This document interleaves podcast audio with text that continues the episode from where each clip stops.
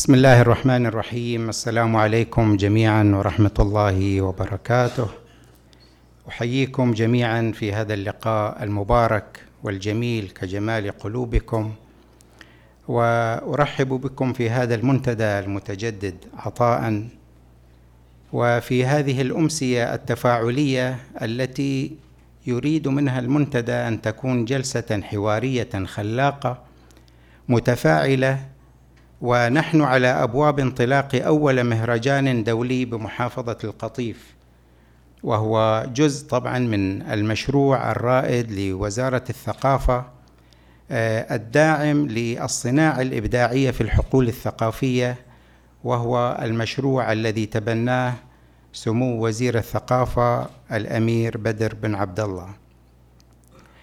إن منتدى الثلاثاء كفاعل ثقافي يثمن هذا المشروع الحيوي الذي تعمل على تحقيقه هيئة الأدب والنشر والترجمة بالوزارة وبالتعاون مع الجمعية السعودية للمحافظة على التراث لترشيح مدينة القطيف كأول مدينة مبدعة في مجال الأدب وتسجيلها في منظمة الأمم المتحدة للتربية والثقافة والفنون والمعروفه اختصارا باليونسكو.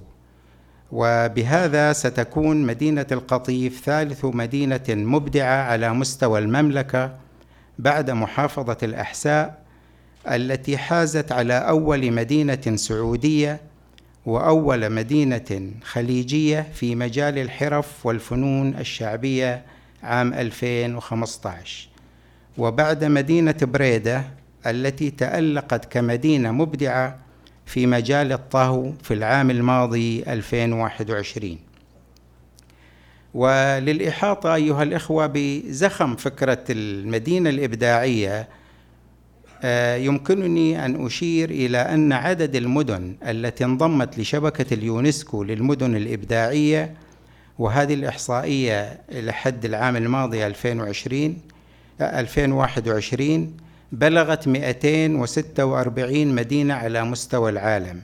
246 مدينة ضمن سبعة مجالات هي الحرف والفنون الشعبية والتصميم والموسيقى وفن الطهو وفنون الإعلام والأفلام والأدب. آه، ومن المدن العالمية التي أدرجت كمدن إبداعية في مجال الأدب تحديداً تأتي مدينتي سياتل وآيوا سيتي الأمريكيتين وإدنبرا ومانشستر بالمملكة المتحدة وملبورن في أستراليا ودبلن بإيرلندا آه، وهايدلبرغ بألبانيا وغرناطة الإسبانية ولافيف الأوكرانية وأوليا نوفسك الروسية ومن المدن العربية تأتي بيروت العاصمة اللبنانية ومدينة السليمانية في العراق. وبتسجيل مدينة القطيف إدراجها كمدينة إبداعية في مجال الأدب إلى مصاف هذه المدن العالمية العريقة لهو مكسب ونجاح لرؤية المملكة وفي تعزيز مكانة المملكة على خارطة الثقافة العالمية كما سيعزز موقع مدينة القطيف ويجدد إبداع طاقتها الإبداعية في مجال الأدب ليس محليا فقط ولا عربيا فحسب وإنما عالميا أيضا.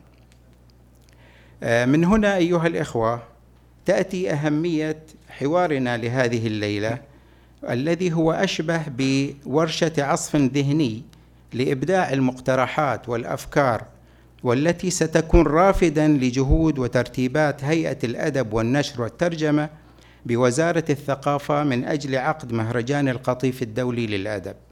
وكما تعلمون فالنجاح مستويات. هناك نجاح عادي وهناك نجاح يفوق التوقعات ولا شك أن هذا ما نأمله وتأمله جماهير المملكة من نتائج لهذا المهرجان الدولي الذي سيقام في شهر يناير القادم وبطبيعة الحال كلما كان التفاعل والمشاركة المجتمعية مع الوزارة حاضرين آه، كلما كان هذا المهرجان وهذا المشروع الإبداعي أقرب لتحقيق أفضل المستويات من النجاح بإذن الله. آه، بداية نشاهد سويا فيلما قصيرا يستعرض فعالية أقامها المنتدى عام 2015 تحت عنوان مهرجان القطيف الثقافي فلنشاهد معا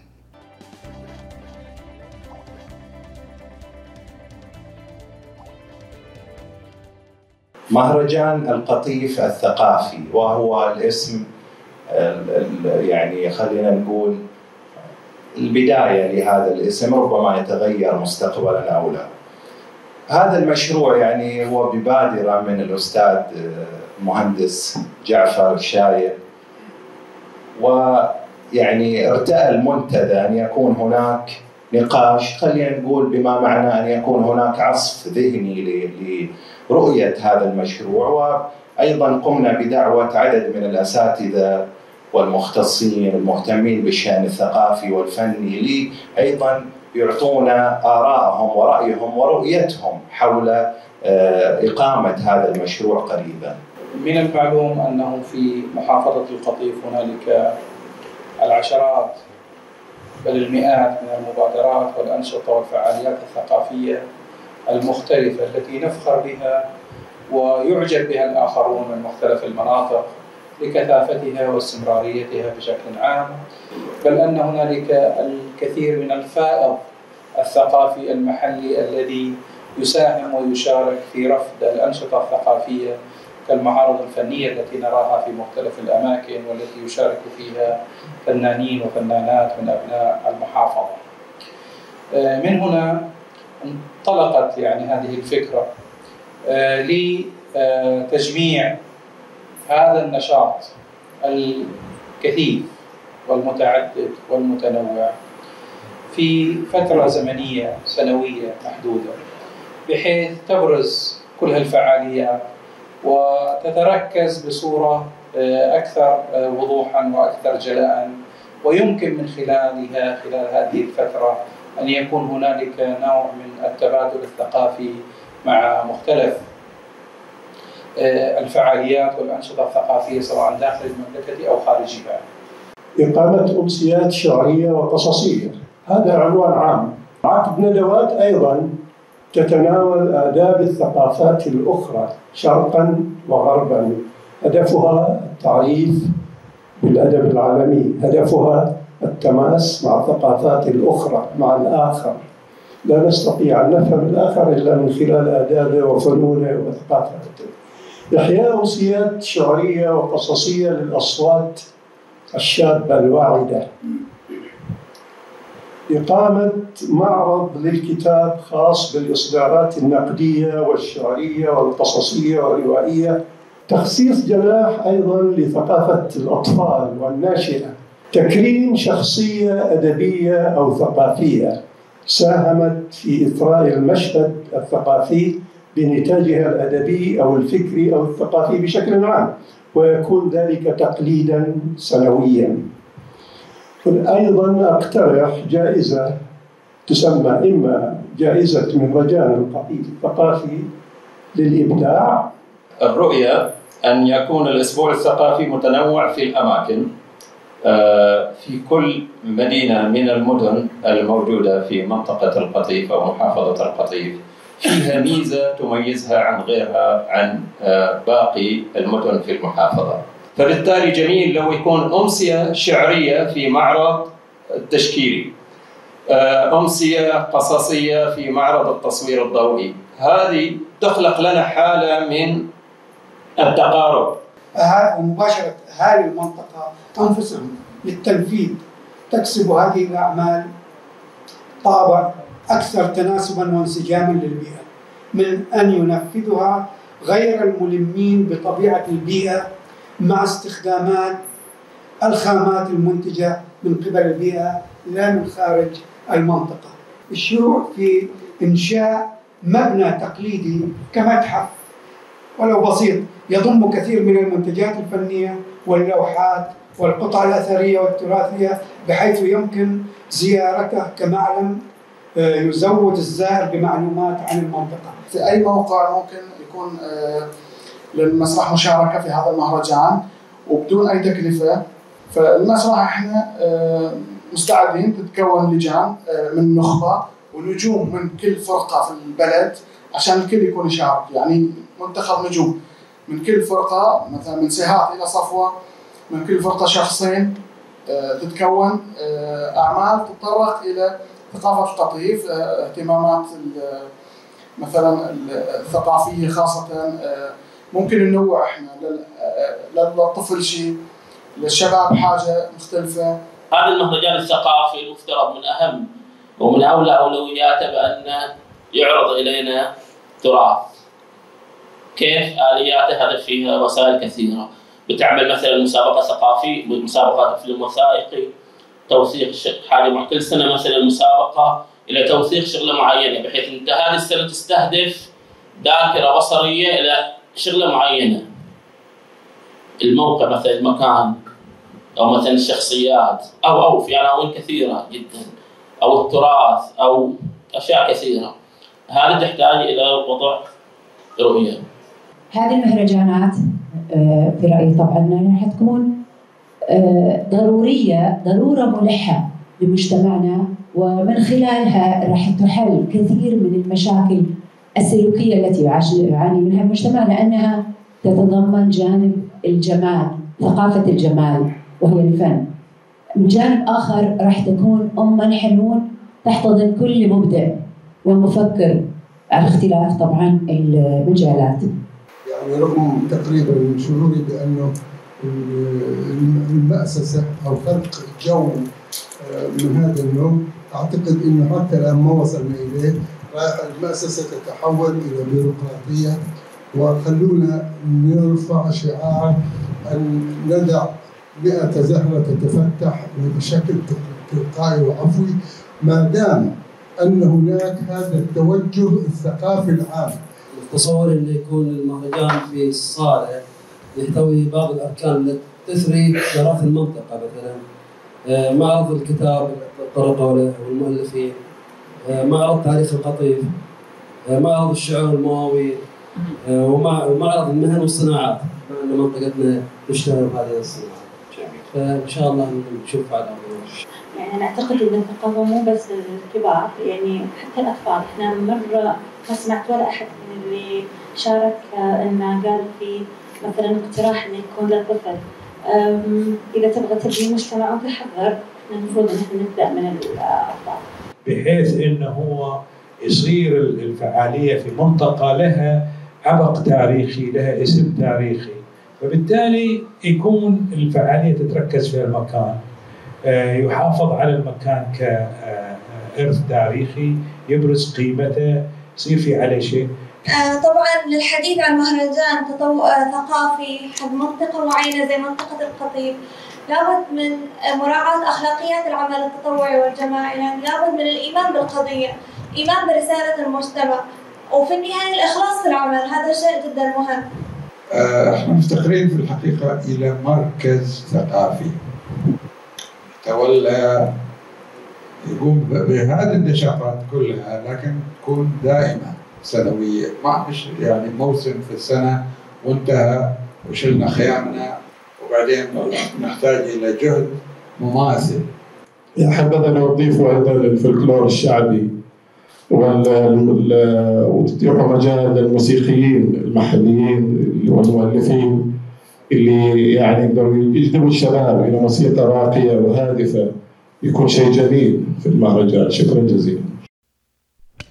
يعطيكم العافية ارحب بكم مجددا وما أشبه الليلة بالبارحة يعني كان قبل سنوات قبل سبع سنوات كان آه، حلما آه، تم تداوله وبحمد الله يعني نصل في هذا العام إلى أن يتحقق بوادر هذا الحلم إن شاء الله.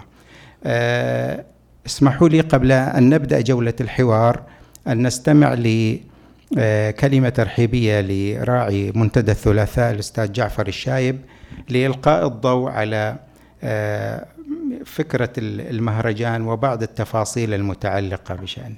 مساء الخير جميعا واهلا وسهلا بكم. آه بداية أرحب بالجميع الحضور وبالضيوف الأعزاء القادمين من خارج المنطقة وبالنخب المثقفة والفنانين والمبدعين المشاركين معنا في هذا المساء عذرا دون ذكر أسماء فأهلا وسهلا بكم جميعا. آه، انطلقت هذه فكرة هذه الندوة امتدادا للندوة السابقة أقيمت قبل ثمان سنوات. كانت عبارة عن فكرة حلم لإقامة مهرجان القطيف الثقافي. وطرحت فيها مجموعة من الأفكار والآراء والمقترحات ولكنها ولله الحمد وجدت طريقها يعني بدأ هذا الحلم يتحقق بمبادرة من هيئة الأدب والثقافة والأدب والترجمة والأدب والنشر والترجمة في آه، إقامة مهرجان أدبي ثقافي بالقطيف. ضمن مشروع أكبر وأوسع وهو تسجيل القطيف كمدينة إبداعية في الأدب في اليونسكو.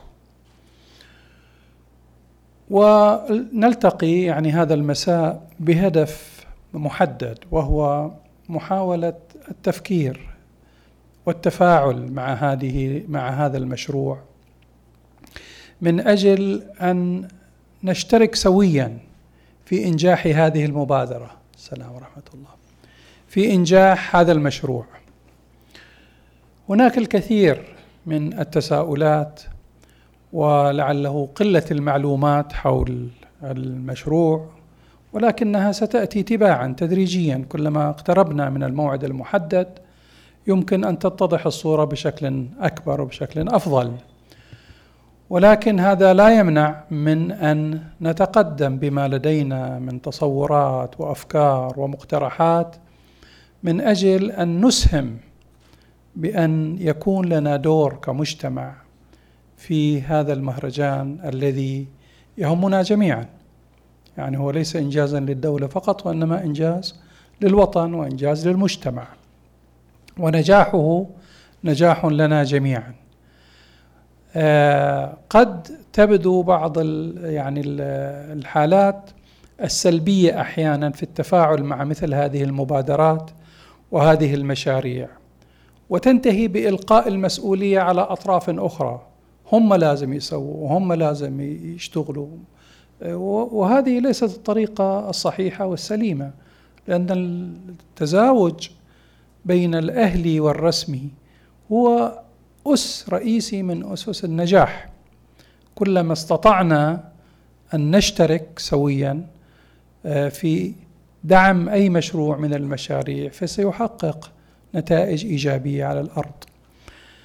أنا لا أتحدث يعني بصفتي صاحب مشروع آه، وإنما جزء من هذا المجتمع الذي يرى بأن هناك فرص وأن هناك يعني إمكانيات مهمة يمكن أن يوفرها المهرجان لنا كأبناء مجتمع وللمدينة بشكل عام سواء في المجال الأدبي الذي مثل ما تحدثنا في الفيلم أن القطيف تختزن الكثير من الإمكانيات في هذا المجال أو الفني أو حتى خارج هذه الدائرة في المجال الاقتصادي والمجال الاجتماعي. هناك فرص كثيرة يعني يوفرها المهرجان. نحن بحاجة إلى أن نفكر كيف يمكن أن نساهم ونقدم تصوراتنا ومقترحاتنا ونتفاعل مع هذا المشروع بصور وبأساليب آه، مختلفة. من أجل أن يكون لنا دور حقيقي في إنجاح هذه المبادرة وإنجاح هذا المشروع. لعل هناك الكثير من الآراء والكثير من الأفكار والمقترحات ولكن اقتراحي هو أن تكون محددة وملتصقة بفكرة المهرجان لا نسرح كثيرا في آه، مقترحات قد تكون خارجة أو بعيدة عن آه، عن التطبيق ونفكر أيضا في أن نقيم ندوة أخرى حول تسجيل القطيف كمدينة إبداعية في اليونسكو. يعني يمكن أن يساهم فيها الفريق المعني بهذا الموضوع للحديث لأنه أبعد وأشمل من المهرجان، المهرجان هو جزء من سلسلة أعمال مستمرة وسلسلة أنشطة وفعاليات مستمرة ومتواصلة. آه، آه، أشكر الزملاء والفريق الذي حضر آه، من المعنيين بفريق العمل المعني بالمهرجان على حضورهم وأقدر يعني التزاماتهم وعدم رغبتهم في الخوض في تفاصيل في هذه المرحلة إلى أن تتضح الصورة بشكل أفضل. ولكن لعلنا نتناقش ونتحاور بصورة بناءة من أجل أن نقدم أفضل ما لدينا ونخرج مدينتنا ومحافظتنا القطيف كعروس في هذا المهرجان ونعمل من أجل إنجاح هذه التجربة والتقدم للأمام من أجل تسجيلها كمدينة إبداعية في الأدب. أشكركم وإن شاء الله نتواصل في لقاءات أخرى قريبة من هذا الموضوع آه، للإجابة على بعض الاستفسارات والتوضيحات ولتحديد بعض المسؤوليات وأتمنى التوفيق للجميع وشكرا لكم.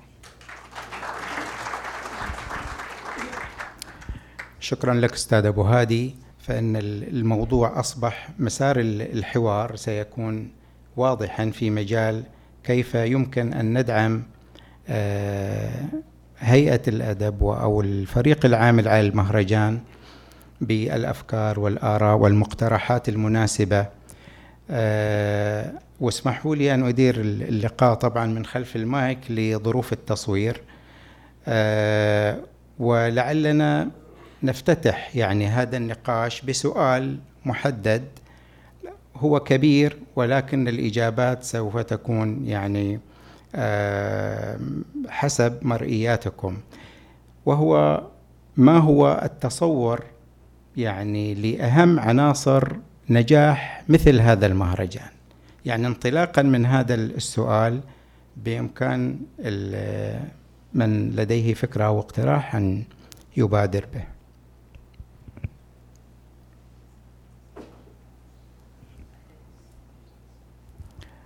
آه، طبعا آه، مع ملاحظة ذكر الاسم قبل حسين آل إبراهيم آه، من صفوة.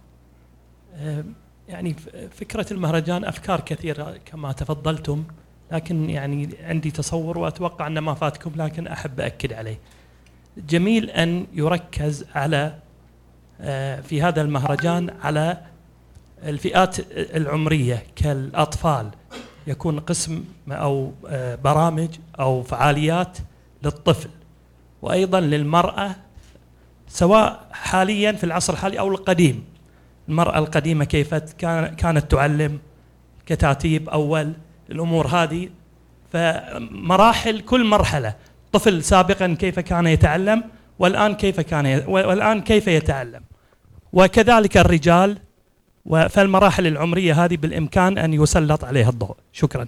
شكرا لهذا الاقتراح. وأرجو يعني اكمالا لمثل هذه الأفكار أن تحدد بعض بعض المبادرات فيها. أنا أقصد لا اقصدك شخصيا يعني وإنما أقصد لأن الفكرة بالتأكيد تمر على أكثر من من شخص فيمكن بلورتها في برامج عملية وقابلة للتحقق. تفضل أستاذ سعود الفرج. سعود الفرج تفضل.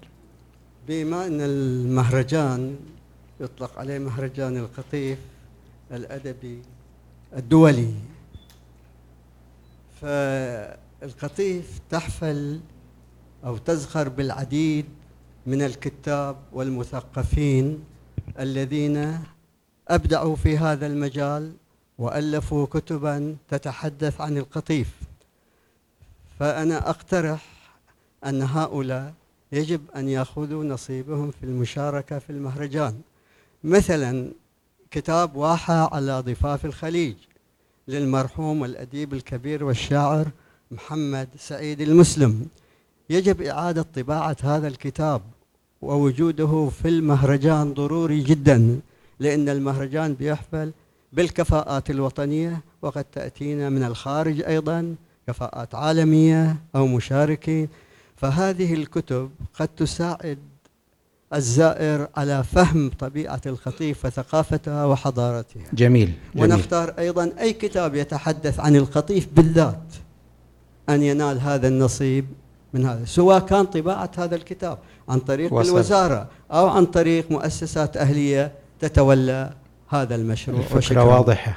شكرا أستاذ آه، أستاذنا جنبك أستاذ أبو هشام. طبعا إحنا ننتظر من الضفة الأخرى آه، الجانب النسائي حافلات بالأفكار لا شك. السلام عليكم. معكم علوي الخباز. طبعا الكلام عن المهرجان بحد ذاته يعني كتيمة قوية جدا جدا للقطيف. آه، المطلوب منا إحنا كأبناء مجتمع القطيف أن نبرز القطيف بكل ما تحويه من إمكانيات سواء ثقافية أو تراثية أو خدماتية أو اقتصادية.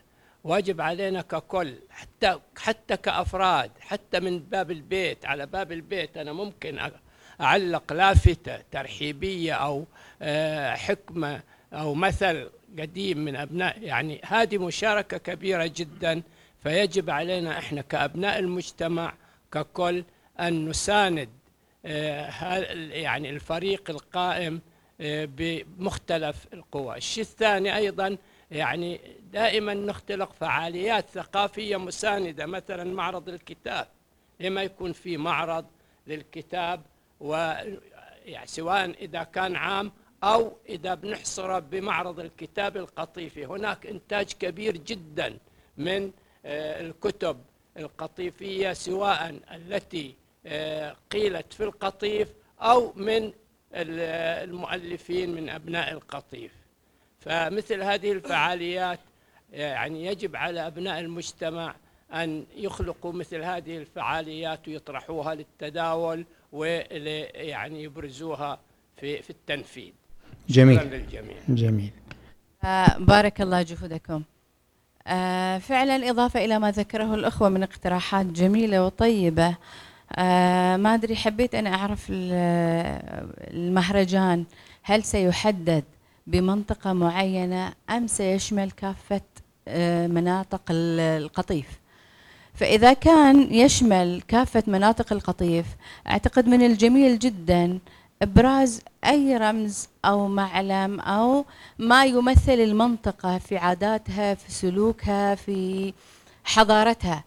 آه، أتكلم أنا بالخصوص كمبادرة أراها جميلة جدا في حال لو فعلا يعني تم التوجه إليها والتفاعل معها اللي تبرز كل الجوانب يعني الثقافية والحضارية والتاريخية والعادات والتقاليد والسلوك والآثار وغيرها. أنا عندي منطقة صفوة. آه، أقترح كاقتراح آه، مجسم صابات صفوة. لما له من رمزية حضارية تاريخية تراثية. آه، مجسم صابات صفوة أولا يقع في قلب مدينة صفوة. يحده من الشرق. طبعا البساتين المزارع البحر عين داروش العين الجنوبية. هو وسط المدينة ارتكاز إلى الغرب انطلاق إلى الغرب. الغرب بداية عام 81 لما جاء القاص وجت الطفرة النفطية كيف حالة التمدن؟ اولا يرمز إلى المنطقة في وجوده كتاريخ بحكم إنه عين داروش البساتين ورمزية البحر. أستاذة عالية هذه التفاصيل حول المجسم جميلة. ولكن يكفي الإشارة لها فقط. على أساس ناخذ أكبر عدد من الإشارة لها كان المجسم موقع المجسم رمزية لما أقول تاريخية بحيث أنه كان أهالي صفوة يحتفلون أثناء يحتفلون في لما صار استقلال الجزائر عملت احتفالات. موقع المركز استمر لإحياء المناسبات الوطنية والمحلية وموقع للعرضات اللي كانت تعزز حب الوطن والانتماء الوطني في نفوس الأجيال. فجميل تعاد هذه الروح العرضات الليوة وغيرها. شكرا. جميل. شكرا لك يا أستاذة عالية.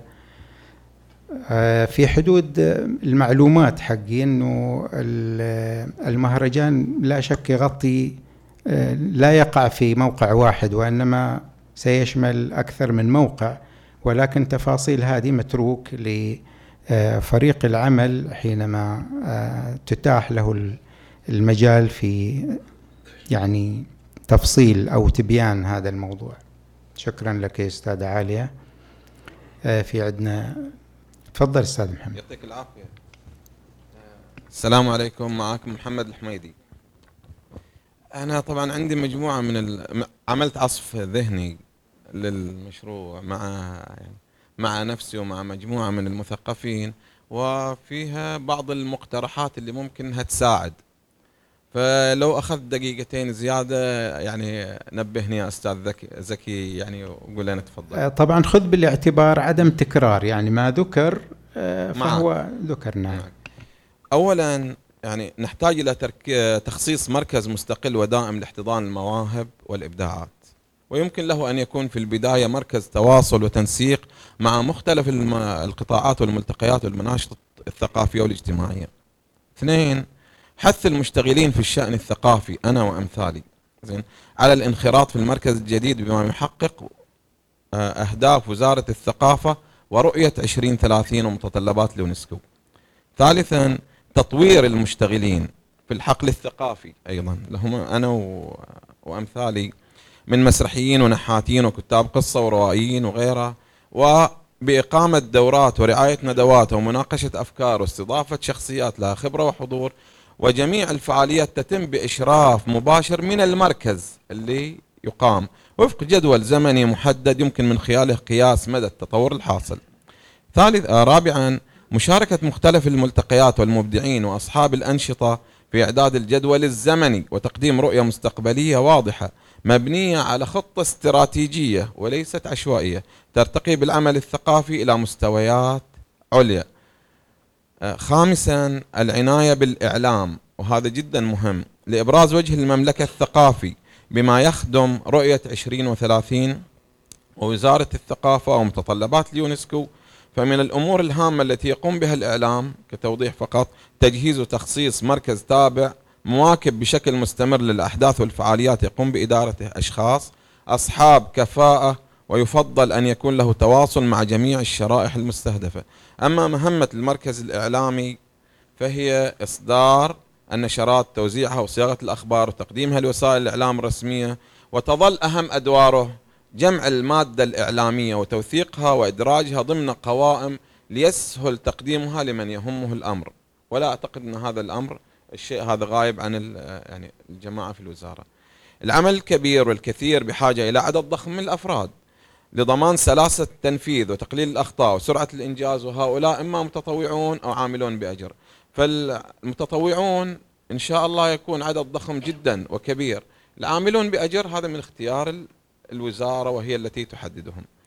آه سابعا وضع صندوق مالي أو تأسيس صندوق مالي تحت تصرف مركز الإبداع والمواهب يتم من خلاله تجهيز الفعاليات والمسابقات والاستضافات والتنسيقات وغيرها.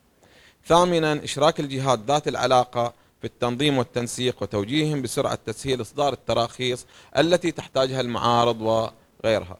وفي النهاية كل الشكر والتقدير لسمو ولي العهد الأمير محمد بن سلمان حفظه الله على صاحب رؤية 2030 التي فتحت الباب أمام المنطقة للظهور عاليا. والشكر موصول لوزارة الثقافة ممثلة في هيئة الأدب والنشر والترجمة والإخوة اللي موجودين معانا. والأمل أن تتضافر الجهود وبعد أيام نلتقي ولو بعد عام. شكرا. ونحتفل بالقطيف مدينة شكرا لك أستاذ محمد وشكرا على فكرة مركز الإبداع الثقافي. آه، فكرة جديرة بالالتفات والاهتمام وتحتاج إلى الكثير من البلورة كيف آه، كيف يمكن أن تتشكل. شكرا لك. آه، أستاذ صالح. السلام عليكم. وين وين صار المايك؟ آه تفضل أستاذ محمد. ما يعلش عبد الرسول الغريافي الأستاذ عبد الرسول الفنان المعروف تفضل. إنما لا يتم الواجب ب... إنما لا يتم الواجب إلا به فهو على الأقل من الواجبات. هنيئا للقطيف أولا ولأهلها ولجميع المنطقة وللمملكة بهذا الاختيار آه، بهذا الاختيار. وقد آن الأوان للقطيف أن آه، تظهر آه، عروسة بملابسها الزاهية لتستقبل ضيوفها.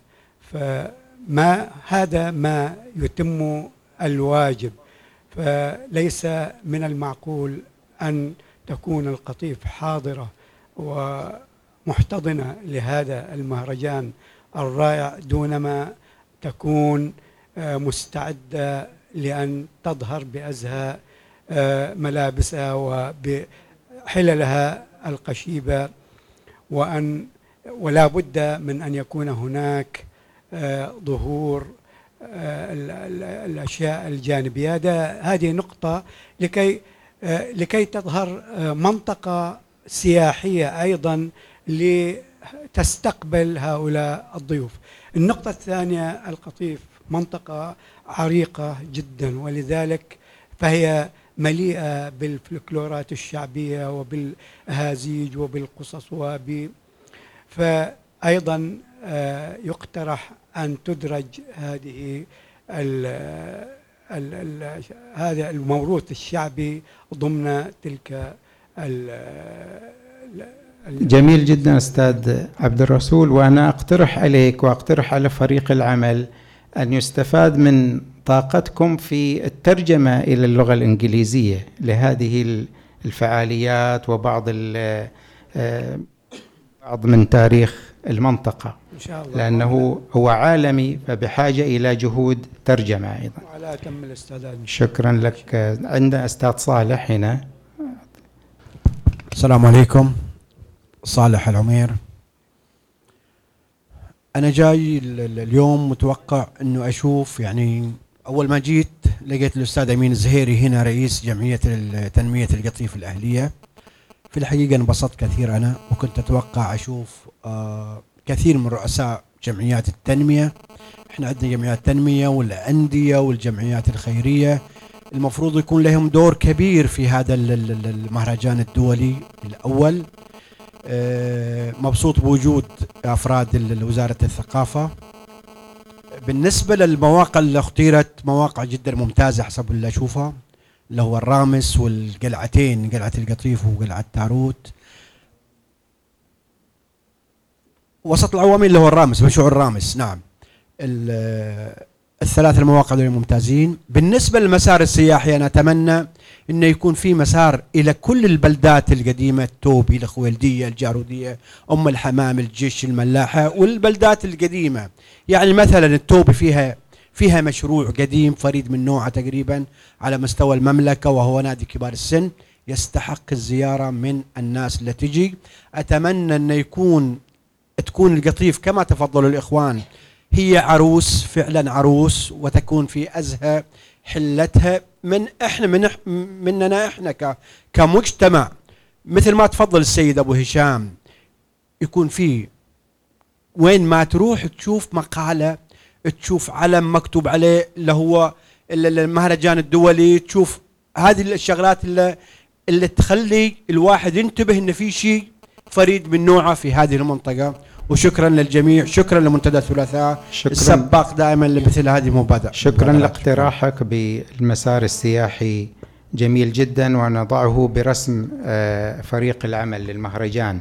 آه، الحقيقة أنا آه، ألاحظ من الحضور يشرفنا الأستاذ عبد الرحمن الخلوفي من جمعية الأصالة. فأنا أتمنى إذا كان هناك مداخلة أو اقتراح وما إذا كانت الجامعة على استعداد للمشاركة في مثل هذا المهرجان. أول شيء السلام عليكم ورحمة الله وبركاته جميعا. تشرفت اليوم بوجودي والأستاذ الشيخ القحطاني معنا من المسؤولية المجتمعية بالمنطقة جامعة الأصالة. آه، جدا تشرفت وأنا دائما أشيد بالمنتدى الثلاثاء الثقافي الجميل النوعي المتميز اللي يوصل رسالة مو بس القطيف وصل رسالة الشرقية لكثير من المناطق. وأنا اليوم موجود هنا وتشرفت ان أجي وما قصروا الأخ أبو هادي عزيز عليه كثير والفريق اللي معاه جوونا جزاهم الله خير ومروا علينا بالجامعة وسووا لنا فعاليه وأنا تشرفنا فيهم كثير. حنا من هنا من منطلق أول شيء القطيف غني عن التعريف مو بحنا اليوم نعرفها القطيف هي بلد الخير وبلد الحضارة وبلد الناس وبلد ال... كل جميل بالقطيف والقطيف ممتدة من من جميع مناطق المملكة مو بس بالقطيف فحنا نعزها كثير ونحبها كثير ونتمنى لها كل خير وهذا شيء جديد إضافة نوعية مو بالقطيف للمنطقة كلها وللمملكة إن القطيف تكون من ضمن المهرجان الدول الكتابة والأدب العالمي. اثنين إحنا نتمنى إنه يكون انطلاقة من عندنا تكون بالأصالة إذا بغيتوا المسارح بغيتوا القاعات تبغون ورش العمل تبغون نوقف معاكم تبغون نتميز معاكم تبغون نكون معاكم شركة ترى نحن حاضرين. حنا ندعم القطيف أول شيء القطيف القطيف في قلبنا أول شيء هذا اول شيء. واثنين أبو هادي عزيز علينا ويمون. وبعدين هذا اللي بيصير مش للقطيف بيصير للقطيف وللشرقية وللمملكة. وزي ما تفضل الأخ إحنا في عهد الأمير محمد بن سلمان عهد 20 30 عهد الوصال عهد وصلنا اليوم لوين؟ إحنا اليوم وصلنا لأعلى أعلى ما يعني طموحنا لاعلان السماء زي ما نقول. فإحنا من يمينكم ليساركم ونتشرف فيكم وجامعة الأصالة تشرف فيكم وإن شاء الله يكون عندنا اللقاء الثاني عندنا بالأصالة. وبنرتب لكم كل شيء. حتى المواصلات مستعدين. نعطيكم إياها. اللي يقولون والله هم دائما دائما يشتكون البعد. بنحاول نحط لكم سيارتين أو حفلتين توديكم وتجيبكم. تراكم مداخل. عزيزين وغاليين. مداخلة كريمة ونثمن هذا الاستعداد الجميل. تفضل. آه طبعا آه، بيجي الدور بس أنا ما أريد المشاركة من السيدات مشاركة يتيمة. أرجو أن تكون في أكثر من مشاركة. المرأة آه لها قسم وحظ وافر في مثل هذا المهرجان. فأرجو الإثراء في الأفكار. آه تفضل أستاذ فريد. السلام عليكم. فريد النمر. آه، طبعا آه، سأركز يعني على أولا أشكر الوزارة على هذه يعني الرؤية والاختيار إلى القطيف. أن تكون يعني أن يكون هذا المؤتمر بها. آه، طبعا سأركز على أن المؤتمر هو مؤتمر بالشاخصة الأولى أنه أدبي. لذلك يعني أتحدث يعني عن ما أطلقته هيئة الأدب والنشر والترجمة التابعة لوزارة الثقافة من برامج الشريك الأدبي آه، والذي يهدف إلى عقد شراكة أدبية مع المقاهي والذي فعل في حقيقته آه، من أمد طويل يعني على الأقل سنة من قبل هذا الوقت. آه، إلا أنها لم تفعل الشريك الأدبي الحقيقي اللي هو المنتديات الأدبية الأهلية والثقافية الموجودة في المحافظة. يعني هنا في سيخلق آه، فجوة بين نوعية العمل نوعية المحتوى العاملين من أيديولوجيا ثقافية وأدبية والعاملين من أيديولوجيا آه آه، البزنس خلينا نسميها أو الاقتصادية. آه، طبعا نعرف أن الوزارة تستهدف نطاق متسع من الجمهور الجمهور الذي لا يقرأ حتى الذي غير مهتم بالثقافة والأدب وطبعا هذه الشريحة مهم استقطابها عبر المقاهي وعبر المؤسسات. ولكن آه، اقتراحي هو يعني أن نستثمر آه، وجود آه، منتديات أهلية فاعلة لها باع طويل وعمل دؤوب. يعني لا يكاد يخلو شهر أو أسبوع حتى من فعالية أدبية سواء كانت شعرية أو قصصية أو مسرحية أو ثقافية عامة.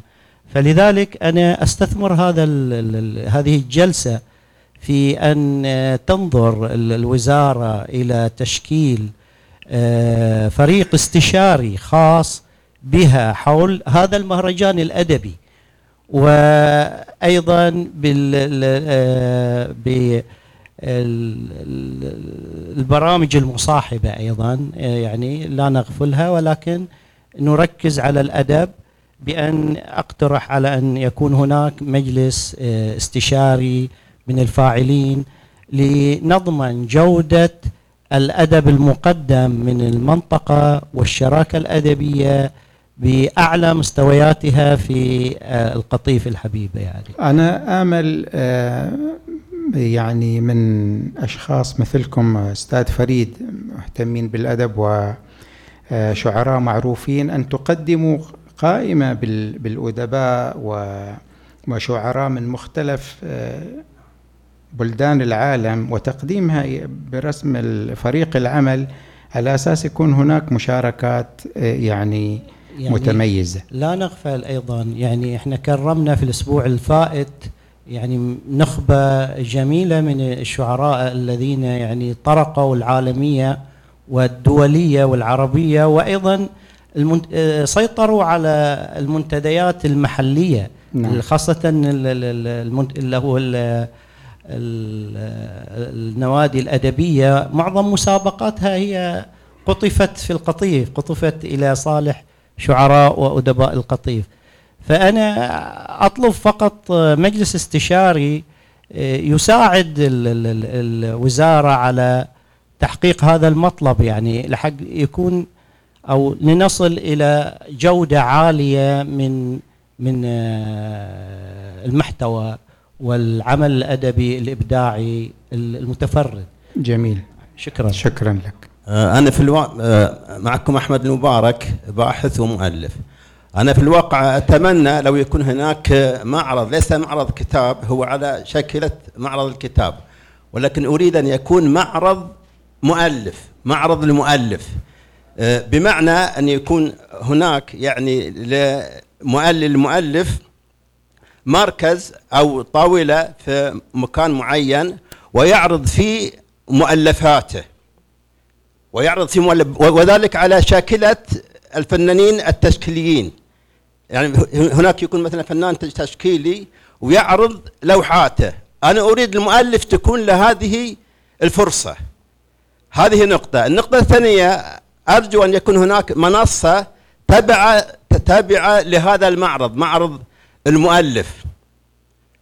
وبالتالي يستطيع هذا المؤلف أن يتحدث ولو لخمس دقائق أو عشر دقائق عن سيرته عن مؤلفاته عن اهتماماته العلمية وما إلى ذلك. وهذا كله يصب في منفعة الكتاب والقراءة والمؤلف السعودي وما إلى ذلك. طبعا في البدايات تكون للمؤلف السعودي بعدين يمكن في النسخ الأخرى يعني تكون هناك مؤلفين ومؤلفات أخرى. هذا هو يعني جميل ما أتمنى. جميل. اقتراح رائع وخاصة في مجال الرواية لدينا آه، روائيين وروائيات وكافة الاتجاهات. شكرا لك على هذا الاقتراح. تفضل أستاذ زمان. من جاسم فنان تشكيلي. آه، أتوقع أن كثير من الأشياء طرحت الآن جميلة وقابلة للتحقيق وبصفتي آه، ضمن المجال الفنون البصرية. أتوقع من المهم جدا أن يكون لين يكون له حضور كبير وهي كلها تصب في مجالات الثقافه طبعا من ضمنها كتجربتين بتكلم فيهم. ضمن المسارات في يوجد عندنا آه، مراسم فنانين. مراسم فنانين مهمة جدا وفنانين حققوا إنجازات وأماكن ممكن تكون من ضمن المسار آه، الثقافي لهذا الشيء. سبق لي تجربة. أو تجربتين دوليتين في مجال الأدب. دعيت فيها كفنان تشكيلي. أنا أتمنى تكون هذه موجودة الآن تصير معاكسة وتكون موجودة في القطيف. دعوة فنانين إلى الملتقيات تكون موجودة عندنا. وفي أفكار كثيرة إن شاء الله. أنا أتمنى من اللجنة إن نجتمع بهم بشكل خاص أكثر للنقاش وطرح الأفكار.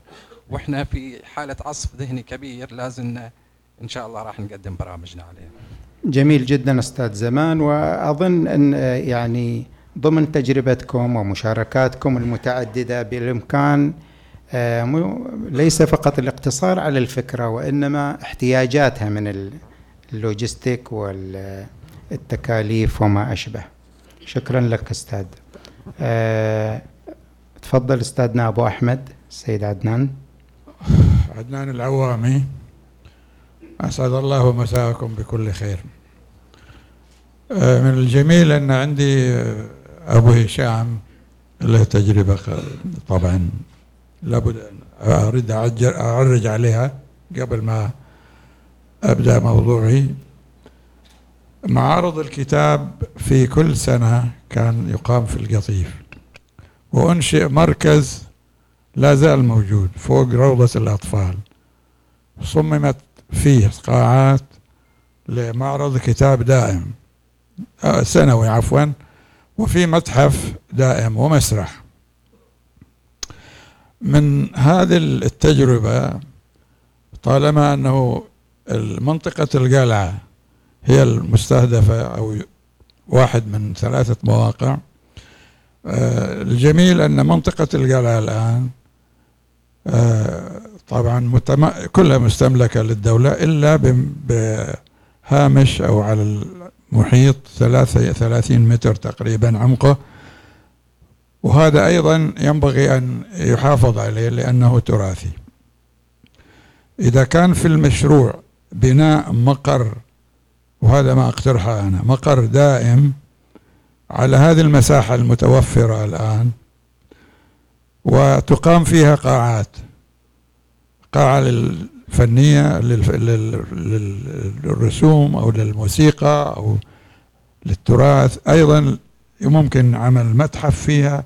أتصور أنا يعني على عقلي الصغير أن المساحة كافية ويمكن إضافة من الجوانب يعني المحيطة بها المنطقة المحيطة بالقلعة الآن.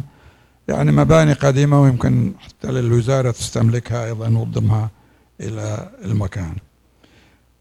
أيضا ينبغي التنسيق في هذا المجال بين اللجنتين اللجنة الأدبية واللجنة التراثية. أنا قبل آه، يومين كان عندي دكتور إبراهيم آه، صقهان وجرى نفس المناقشة هذه صارت واقترحت عليه نفس الاقتراح. طبعا أنا ما كنت أتصور أن أنه تبحث هذه لكن هذا الاقتراح أيضا هو اللي اقترحت عليه خاصة أنه المنطقة بالإضافة إلى قدمها التاريخي آه، تحتوي على مباني لا تزال موجودة ولها علاقة بالتراث الوطني تراث الملك عبد العزيز تحديدا. هذا الظاهر ما, ما عندي وما أريد أخذ الوقت كله. شكرا لكم جميعا. شكرا لك آه، أستاذنا الكبير أبو أحمد. آه، أنا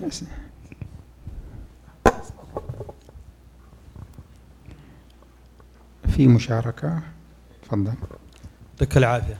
خالد الشويش الخالدي رئيس ديوانية التراث والأدب الشعبي في المنطقة الشرقية. تأسست أول ديوانية للتراث والأدب الشعبي في القطيف بالتحديد في عنك 1000 1992 ما شاء الله. نتمنى أن يكون جناح الاهتمام بثقافة الموروث الشعبي. ونستقطب أيضا الشعراء المبدعون في هذا الجانب كفهد آه، على مستوى الخليج فهد عافت حامد زيد آه، أيضا شعراء المليون واللجنة المحكمة وأيضا الاهتمام جناح خاص لشعراء الموال والزهيريات في محافظة القطيف. لأن هذا متميزة فيها القطيف والمنطقة الشرقية ولكن في القطيف كثر. نتمنى الاهتمام بثقافة الموروث الشعبي في القطيف والمنطقة الشرقية من خلال هذا المهرجان. شكرا. جميل جدا الاقتراح برسم فريق العمل. آه، في في الخلف نحتاج مشاركات من الخلف. كافي أنا فقط آه، بأعقب على الأستاذ محمد. هو ذكر أن في أي محمد؟ حق ما أدري ما نس... أيوه. آه ذكر أن في ثلاث مواقع. هي أمنية فقط أن تضاف آه يعني تكمل العقد. لو تضاف صفوة بحكم حجمها الكبير ومعها أم الساهك وأبو معن ومجموعة كبيرة أيضا من المجموعة وأيضا سيهات سيهات معها أيضا عنك عشان يكتمل العقد وتكون المشاركة واسعة جدا خاصة أن يعني مدينتي صفوة ومدينة عفوا مدينة صفوة وما يتبعها فيها حجم سكاني كبير وفيها يعني آه، عمق ثقافي كبير وإنتاج أيضا أدبي لا يستهان فيه وكذلك صفوة عفوا وكذلك سيهات وعنك. وأظن ليس يعني هناك يعني مانع من آه، اقتراح هذه المواقع لو تم التفكير فيها وتوسيع الدائرة وهو كاقتراح.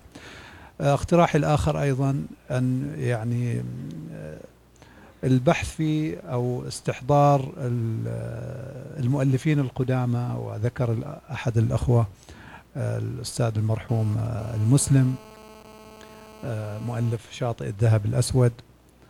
ففي كثير من الكتب من الجميل لو تستحضر أيضا المطارحات القديمة وال الصوالين الأدبية اللي كانت منتشرة في القطيف في السبعينات والستينات والخمسينات اللي معظم الجيل الآن الحالي لا يعرف عنها شيء وكذلك زيارة بنت الشاطئ المشهورة على رأس وفد ثقافي كبير من جمهورية مصر العربية يمكن قبل 60 سنة 70 سنة.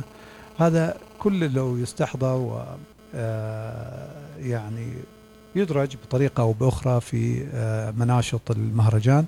آخر آه، مداخلة هو فقط أمنية أن يكون هذا المهرجان دافع لوزارة الثقافة للدفع بمشروع مركز الأمير سلطان الحضاري الواقع على ضفاف كورنيش القطيف المتعطل منذ يمكن عشر سنوات تقريبا وهو يعني يراوح مكانه. شكرا جزيلا. شكرا أستاذ أبو حسن وأرجو من المداخلات المتبقية الاختصار آه، مراعاة لظرف الفريق العمل للمهرجان عند رحلة آه، قريبة يعني مغادرة المنطقة. فأرجو الاختصار. تفضل.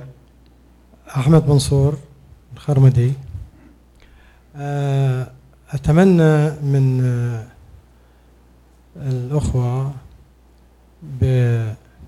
بالمهرجان تحديد موقع إلكتروني من خلاله يتم التواصل وإبداء الاقتراحات. هذا جانب. جانب آخر أتمنى آه، أن تكون هناك طبعا شكر جزيل إلى مدير جامعة صالح لوجوده معنا أتمنى آه، الدعوة إلى أساتذة الجامعات بوطننا العظيم.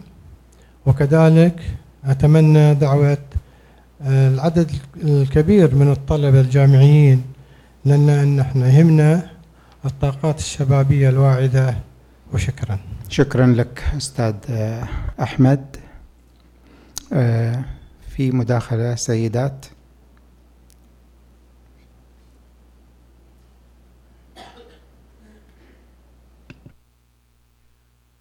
العافية.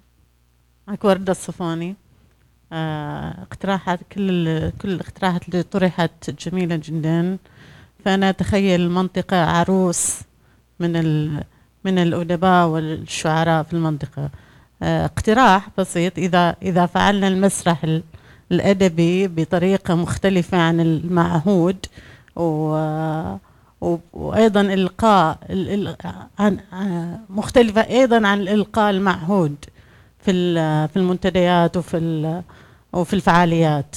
آه، أن يكون بطريقة مسرحية أدبية شعرية تثري وتغني المنطقة بأدبائها بطريقة مسرحية جميلة. ليس تمثيل عادي تمثيل شعري. شعري نعم. شعري. جميل جدا. شكرا لك. الواقع آه، الكل تكلم عن آه، كل الأنشطة اللي المفروض أنها تشارك في هذا المهرجان الكبير. آه، وكلها حقيقة آه، اقتراحات مهمة جدا تصب في مصلحة آه، المهرجان ونجاحه الشيء الوحيد اللي ما حد تحدث عنه الموسيقى. الموسيقى هي مرتبطة بكل هذه الفنون مرتبطة بالفنون الشعبية مرتبطة بالمسرح و آه، ما أعتقد إنه في آه، يعني نشاط ما تدخل فيه الموسيقى. فأنا هذا دورك يا أستاذ يا أنا أتمنى إنه إنه الموسيقى تكون لها دور في هذا المهرجان. وإحنا سبق أن قدمنا اقتراحات حول الموضوع. الأخ عبد الرسول الغريافي موجود هنا. يعرف إنه إحنا عملنا اجتماع. ضم كثير من الفنانين المسرحيين والموسيقيين وغيرهم وشعراء فتقدمنا ب أو طلعنا بخلاصة اقتراحات. جميل جدا. أحسن. شكرا جزيلا. أنا اعذروني الوقت يمتد بنا يعني إلى الصباح ولا ينتهي الحديث حول هذا المشروع الحيوي ولهذه الروح المتوثبة للمشاركة ولإبداء يعني أجمل الآراء وأجمل الاقتراحات من أجل نجاح مهرجان بحجم مهرجان دولي للأدب. وفي محافظة لها تاريخها التاريخي والادبي العريق. أنا أشكر حضوركم وتفاعلكم الجميل. وهذه الاقتراحات الرائعة جدا ولا أشك أنها رفضت بشكل كبير وواضح فريق العمل لهذا المهرجان. نلتقيكم إن شاء الله في شهر يناير. وكل هذه الفعاليات قد تحققت وأخذت مواقعها الجميلة والصحيحة. إلى أن نلتقي في ذلك الوقت. بس لا تنسوا تجوا الأمسية للأسبوع القادم مع جزيل الشكر ونلتقيكم إن شاء الله في الأسبوع القادم في فعالية جديدة. نعم يوجد لا تنسوا التوقيع على كتاب هذا الأسبوع مع الأستاذة روعة الفرج. تفضلوا تصبحون على خير.